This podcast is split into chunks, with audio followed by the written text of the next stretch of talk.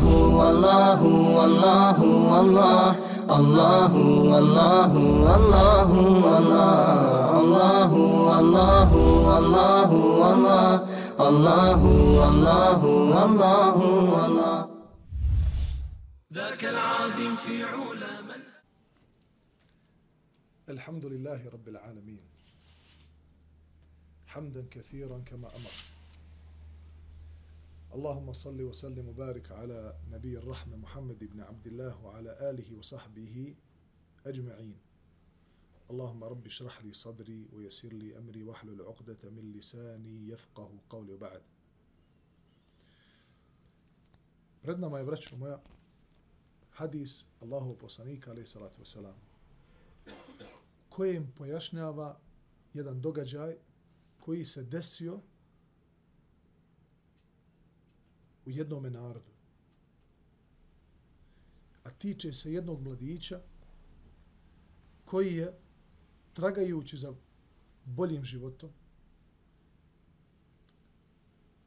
krenuo i zaputio se u dvorac vladara u kojem je čuo da ima vračar koji želi da poduči nekoga da mu prenese znanje o sihru, kako bi ga naslijedio u tom, u tom zanatu. Na tom putu, na tom putu, do dvorca, do tog mjesta gdje je bio taj vladar i taj vračar, mladić tio je da se odmori i u pećini opazi čovjeka. Opazi pobožnog alima koji se sakrio od nepravednog vladara i njegovog vračara kako ga ne bi smakli. Jer su sve napore uložili da udalje ljude od svjetla znanja kako bi mrakom neistine zavladali i neuke ljude zaveli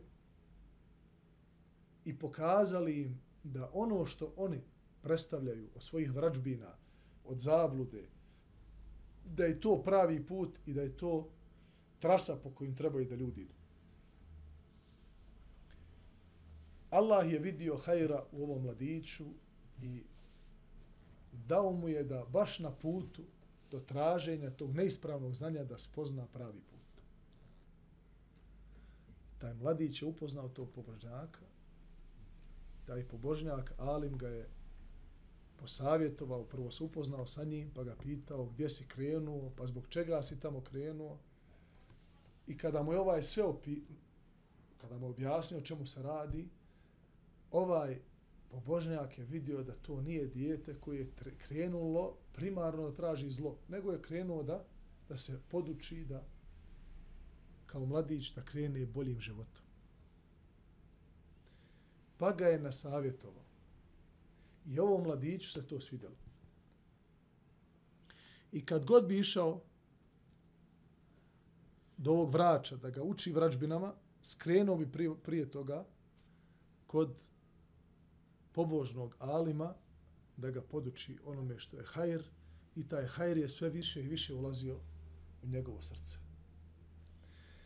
Kada se skroz ubjedio da je ono što mu govori pobožnjak istina, a ono što mu govori vračar neistina, počelo je da se kod njega dešava bitka u njegovom srcu. A to je bitka da došao je na taj stupanj da želi da objeda, znači da objedola, objelodani drugim ljudima istinu, jer je vidio svojim očima kada je spoznao istinu, kada je spoznao ono što je istina od gospodara, vidio je u kakvoj zabludi drugi ljudi koji su oko vračara, kakvoj zabludi živi. I nije mogao gledati to svojim očima, tražio je način kako da jednog dana ljudima pokaže da ono što im govori onaj vladar, nepravedni onaj vračar, da je to šuplja priča, da od toga nema ništa. Pa se jednog dana popriječila velika životina na put koji su, kroz koji su ljudi prolazili. Pa je on odlučio da taj ključni moment u tom teškom momentu, znači kada se svi ljudi zapitali kako da je mak, šta da radimo, teška je, nemamo Ne možemo da je pomaknemo, ogromna neka životinja. Da on tada iskoristi taj svoj iman i svoju iskrenu vjeru u Allaha i znači uzeo je kamen, zatražio od Allaha pomoć i spomenuo Allahovo ime i udario ovu životinju i ona se, znači, sklonila sa, sa tog puta i onda su ljudi počeli da pričaju o njemu i počele su glasine. Neki su govorili da je to znači znanje kojim ga je podučio vračar, drugi su govorili da je šta je on spomenuo, da je spomenuo Allaha Đelešanu i tako dalje i tako dalje. Uglavnom, na kraju se hadis svodi na to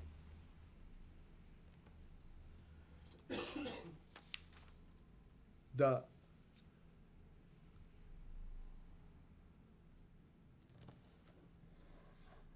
gdje god se po, pojavi svjetlo istine, a, nestaje tama neistine. Kogod spozna istinu i kome Allah Đelešanohu otvori srce ka istini, njegovo srce gleda stvari drugačije od onoga ko nije na istini.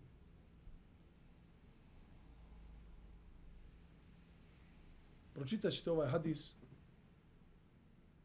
do kraja.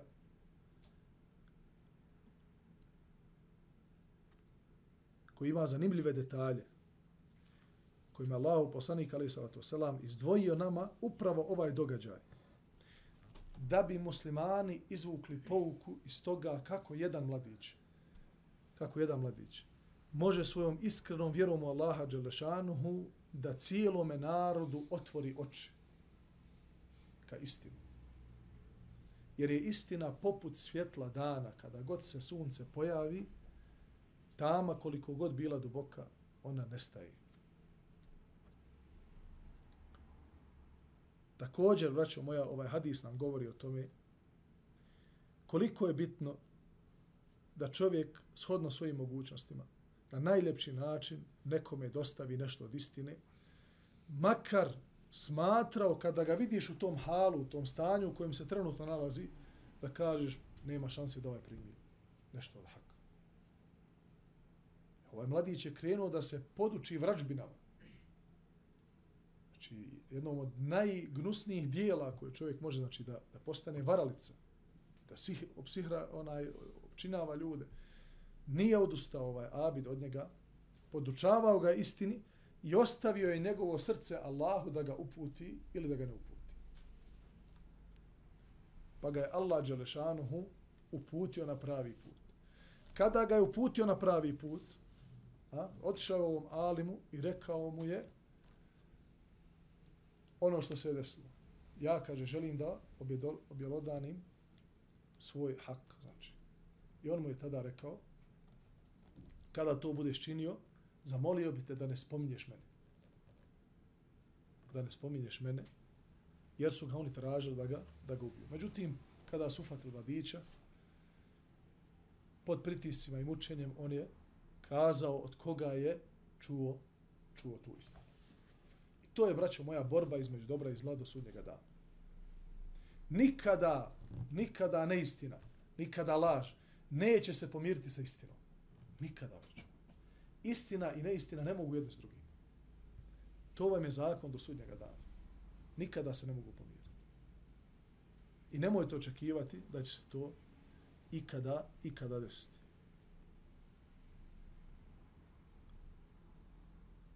Od Enesa radijallahu anhu kazuje, vjerovjesnik sallallahu alaihi wa sallam je prošao pored jedne žene koja je plakala kraj kabura. Zašto je plakala kraj kabura? Izgubila je voljenu osobu. Svi mi želimo da voljene osobe budu pored nas, da budu sa nama. I koliko god čovjek vjerovao da će jednog dana se sresti sa svojom voljenom osobom na ahiretu, opet je žao i tvoje, tvoje oči puštaju suze zbog žalosti rastanka sa ovoga svijeta. Pa je rekao, sallallahu alaihi wa sallame, ovoj uplakanoj ženi, boj se Allaha i budi strpljiva. Na to mu ona reče, udalji se od mene, ti nisi pogođen mojom nedaćom. On je rekao, boj se Allaha i strpi se, to jeste, boj se Allaha, tvoje mjesto je da, da znači, tuguješ za svojim voljenim na drugom mjestu, ne na javnom mjestu, da skrećeš pažnju na sebe i da E, svoju tugu iznošiš nekome drugom mimo Allahu Đelešanu. Jer je on dovoljan taj kome treba da svoju tugu izneseš, a budi strpljiva, znači da svojim strpljenjem, malo prije smo to rekli, svojim strpljenjem možeš sebi pribaviti hajer. Čovjek koji se ne strpi na onome što mu se već desilo, ne može sebi pribaviti hajer. Može li ona podizanjem svoga glasa, naricanjem, e, boravkom pored tog kabura, danas imate da ljudi spavaju na kaburu, pored svojih voljenih osoba koji izgube. Mogu li time vratiti te svoje voljene osobe u život? Nikada. Ali strpljenjem, očekujući nagradu od Allaha Đelešanohu, mogu se pribaviti hajr. A to je da će Allah na strpljive spustiti smirenost i da će Allah strpljivima nadoknaditi ono što im je što su izgubili.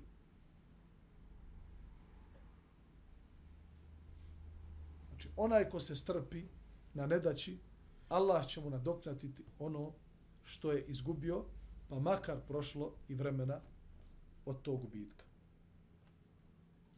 Kada je sallallahu alejhi ve selleme ovo rekao, ona je izgovorila onu rečenicu koju izgovaraju svi oni koji su u nedaći, a nisu shvatili poruku nedaći. Znači svaki čovjek na ovom svijetu ima svoju priču, ima svoj život, ima svoje iskušenje i veličinu svoga iskušenja. I kada pogodi čovjeka nedaća, a, ne treba da vidi ostale ljude oko sebe, da su oni ti koji ne razumiju njega, samo je on taj koji je pogođen i samo on treba da bude tužan, a ostali trebaju ili da se suosjećaju sa njim ili da šute. Nikakav savjet ne želim ništa, jer tebe nije pogodilo ono što je mene pogodilo. A otkud ona zna, teret Allahov poslanika, ali salatu wasalam, je bio mnogostruko veći od tuge svakog pojedinačnog čovjeka.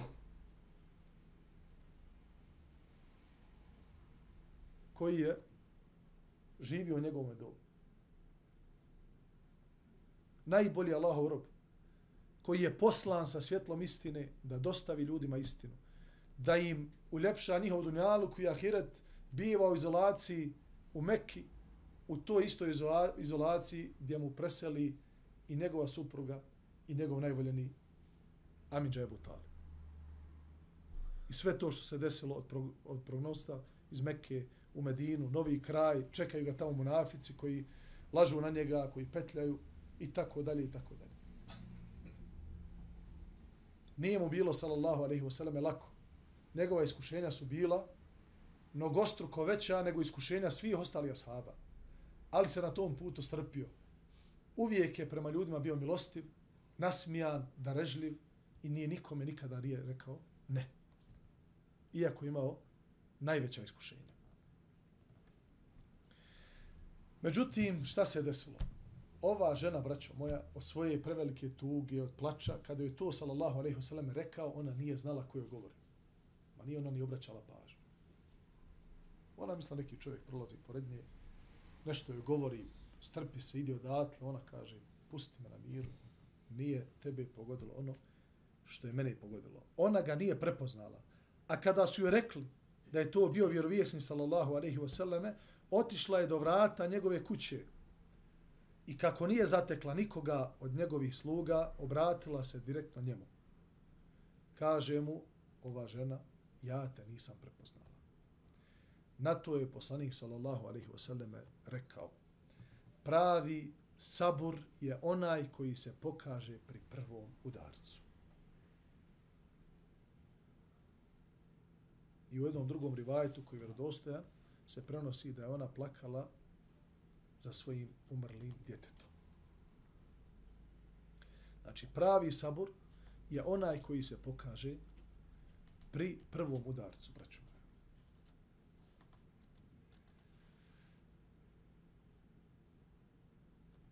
U našim životima dešavaju se stvari koje su nama mile i one koji to nisu. One koje mi želimo i priželjkujemo i one od kojih se plašimo ili ih ne želimo. Sve je to, braćo moja, dio našeg života. Sve je to dio našeg života. I nekada Allah Đelešanuhu želi da te iskuša sa onim što prezireš i mrziš samo iz jednog razloga. Kako bi tim iskušenjem dobio ono što preželjkuješ. A da te nije iskušao sa onim što ne voliš, a ti se na tome strpio iako to ne voliš, ne bi dobio ono što preželjkuješ. Jer Allah kada daje, daje sa razlogom. I kada uzima, uzima sa razlogom. Ako Allah želi da nekoga stavi na određeni stepen i da ga uzdigne, ili mu dadne teufika da radi dobra djela, sve dok se ne popne na taj stepen. A ako ne može da se popne na taj stepen, Allah mu daje iskušenja koja mrzi, koja prezire, koja ne želi, kako bi ga popeo na taj stepen, da bi nadoknadio ono što je profulio od dobrih dijela, da dođe do tog stepena. Znači, ako dovimo Allahu za nešto, a na tom putu dobijemo ono što ne volimo, nemojte da vas to ražalosti. Jer upravo taj put tog iskušenja je put do onoga što želimo. Fa inna ma'al usri yusra, inna ma'al usri yusra. U istinu, sa mukom je i slast. U istinu, sa mukom je slast.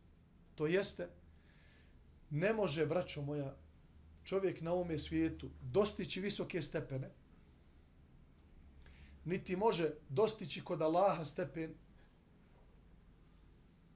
onakav kako to dostižu dobri Allahovi robovi, a da prije toga nije žestoko iskušan. A najbolje blagostanje je blagostanje nakon pretrpljenih iskušenja najljepši zalogaj hrane je onaj zalogaj nakon dugosatnog gladovanja. Najbolji san i najljepši i najdublji san je onaj san nakon dugih neprespavanih sati i noći nesanice i umora.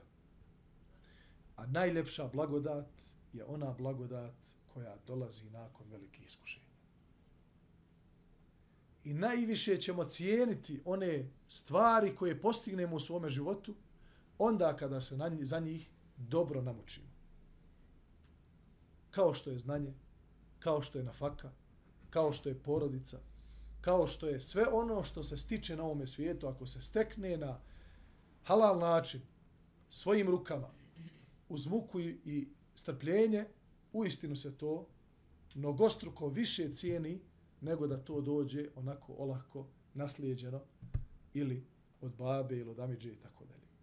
I to mi vidimo u svojim životima. Allah subhanahu wa ta'ala Allah subhanahu wa ta'ala je mudri, plemeniti, znani. Svako, o svakom ona, od nas, pona osob, vodi računa. Allah Đelešanuhu nikoga ne stavlja u zaborav i vjernika i nevjernika. I onoga ko je manje znan i onoga ko je više znan. Nekada ćete naći čovjeka na ovome svijetu koji je jako poznat među ljudima, a nikako ga ne znaju stanovnici nebesa. Jer se njegovo ime nikako ne spominje kod meleka. Niti ga Allah želi da spomene. A vi znate da je došlo u hadisu poslanika, alaih salatu wasalam, da kada čovjek spomene Allaha u društvu, Allah njega spomene u društvu, bolje od njegovog društva. Kažu tumači ovoga hadisa, Allahov poslanika, alaih salatu wasalam, da su to probrani meleci kojima Allah spomene ime tog groba koji javno u društvu spomene Allaha subhanahu wa ta'ala i veličaga. A u isto vrijeme imate ljude koji su neznani na ovome svijetu. Nisu viralni, nisu virtualni, nemaju svoje kanale, ne znaju ih ljudi. Kod Allaha i kod Allaha je znan i stanovnici nebesa ga dobro znaju. Jedna prelijepa teza koju sam prije nekoliko godina čuo jednog šeha. Kad želiš li da postaneš poznati od poznati osoba na ovom svijetu? Želiš li da budeš poznat?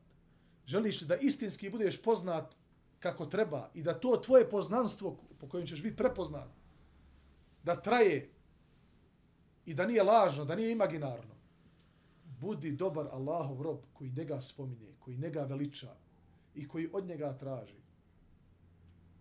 Allah će te uzdići pa ćeš ko stanovnika nebesa biti poznat. Jer stanovnici nebesa, braćo moja, vodi računa o stanovnicima zemlje. Allahovim emrom. Pa kada Junus, a.s. Iako tada nije bilo društvenih mreža, iako tada nije bilo pojačala, nije bilo mikrofona, nije bilo kamera, kada je zavapio u moru, u dubini mora, u tamnoj utrobi velike ribe, meleci su rekli, kada je rekao la ilaha illa ente subhanaka inni kuntu min zalimin, rekli su poznat glas od poznatog roba. Poznat glas od poznatog roba.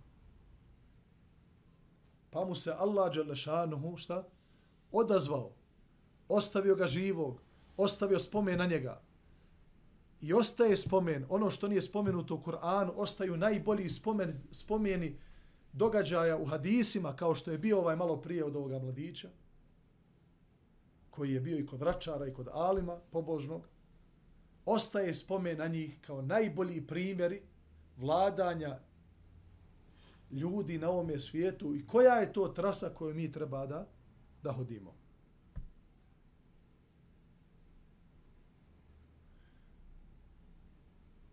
Allah je mudar kome daje i koliko daje. I on je subhanahu wa ta'ala mudar koga poziva na svoja sveta mjesta. Braćo moja, najljepše putovanje pod nebeskim svodom koje ćete moći ikada da ostvarite u svojim životima je putovanje za Meku i za Medinu. Želite da uljepšate svoj život želite da uljepšate svoju vjeru, želite da osvježite svoje srce od svih ovih ovodunjalučkih nemira, iskušenja, uljepšajte to odlaskom u Meku Medinu. Hvala Allahu Đelešanu koji nam je olakšao put ka svetim mjestima, da odemo tamo i da kročimo onim stopama kojima je kročili su najbolji poslanici. Od preko Adema, alaih salatu wasalam, pa Ibrahima, pa naše poslanika, ali salatu selam. I čovjeka, poslanika, koji će doći pred kijametski dan i obaviti zajedno sa muslimanima hađ, a to je Isa, ali salatu selam. Obavit će hađ zajedno sa muslimanima i tavafi će oko iste kjabe, oko koje tavafe muslimane kada odu na hađu na umru. To su najljepši obredi. To su stepeni, znači jedno od, od pet stubova, stubova islama. Koga Allah pozove nikoga ne može spriječiti. Prije nekoliko godina neko je poslao neku sliku čovjeka koji sa kolicima onako izderane odjeće vuče ona svoja kolica po Mekke. Pa je napisano, kaže, ovo je čovjek koji nije imao dovoljno para da iz Indije dođe do, Meku, do Mekke. Pa jednoga jutra zanijetio i kaže, gospodar moj, ja ti se odazivam. Ja kređem na hač, kad ću doći, Allah zna. Ali je krenuo čovjek i bez pasoša. Krenuo i bez dovoljno novca. I bez pokrivača, i bez kišobrana, i bez svega. Jedna obuća, jedno odijelo, neka kolica, da tu može nešto da gura, da možda i preko noći može da prespava neku spužu, Allah najbolje zna. Čovjek je krenuo, slikali su ga u svetoj Mekke. Sjećate se onog našeg hađije iz, iz Bosne prije nekoliko godina, ne znam. I on je Haman cijeli put prepješačio, ono što nije prepješačio i to je prevozio se kako se je prevozio. Nekada ljudi imaju para toliko mogli bi da idu svake godine na hađ i pet puta na umru godišnje. Pitaš ga, brate moj, jesi li bio na hađu? Kaže, nisam. Jesi li bio nikad na umri?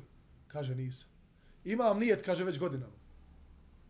Gledaš ga kaže, subhanallah, nije ko ima, nego koga Allah pozove.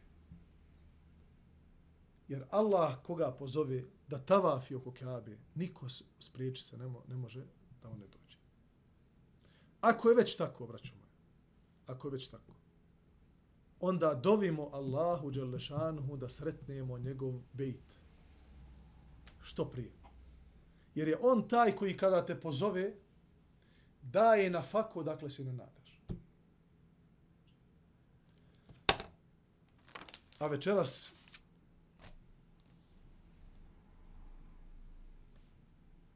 ću obradovati jednog brata sa odlaskom na umru